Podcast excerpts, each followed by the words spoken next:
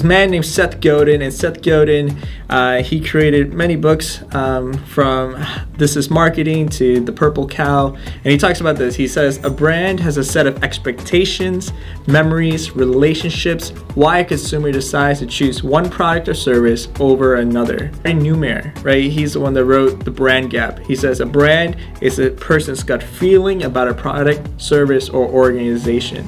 It's a gut feeling because people are emotional and intuitive beings. It's a person's gut feeling because brands are defined by individuals, not companies, markets, or the public. Right? It's not what you say it is, it's what they say it is. You can't control your brand, but you can influence it. And so that's where we're going to go a little bit more deeper on how we can influence our audience and the people and our internal community, whoever it may be, around what our brand is all about. And so every brand needs these three things in alignment. And these three things are how does your brand think? What does your brand say? And what does your brand do? Because at the end of the day, if these three things are not in alignment, it's gonna have a disconnect with your audience. It's gonna have disconnect with your internal community. It's gonna have disconnect with your brand. And so I'll give you some examples, right? For the first example, we have a CEO, right? A CEO, he's like, our company, all the employees love to work here because they just love their job, right? And now we go to the employee of the company, and the employee is saying, man, you know, I just come here just for a paycheck, and that's all I come here for.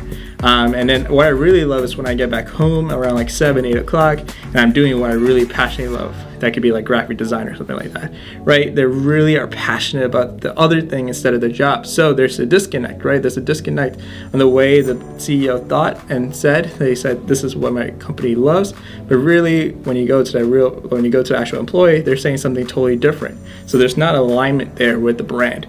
Another example is when you go to a restaurant, right? This restaurant um, says that they're the most hospitable people in known to. They're serving people, they love people, they care about the people. But when you when a when a customer comes through the doors, they're not greeted, right?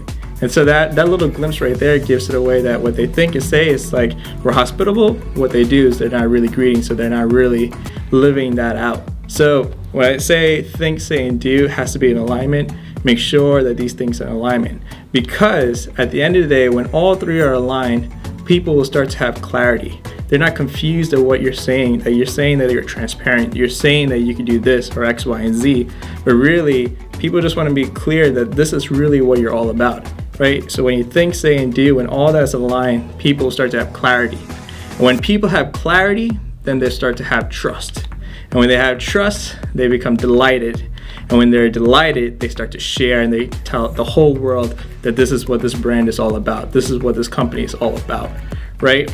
And that's the beauty of branding. When you get those three things in alignment, you'll start to see how that trickles into different areas from the way they communicate on your website, the way that you market when you have an ad out there, right? The way that you communicate, people are just drawn to it because they're getting that certain feeling that you're you have it in alignment. So these are some of the things that I could say that really helps hone into um, what your audience, what your customers, what people start to think around your brand. And that's the pivotal point in your digital ecosystems.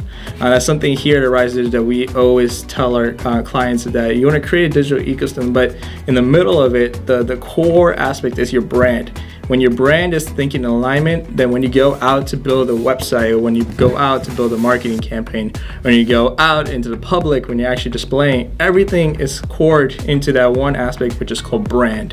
And when you brand out to your website, when you write the content, when you write the copy, all different things from the pictures, right? Everything matters because it's reflecting what your brand thinks, what it says, and what it does.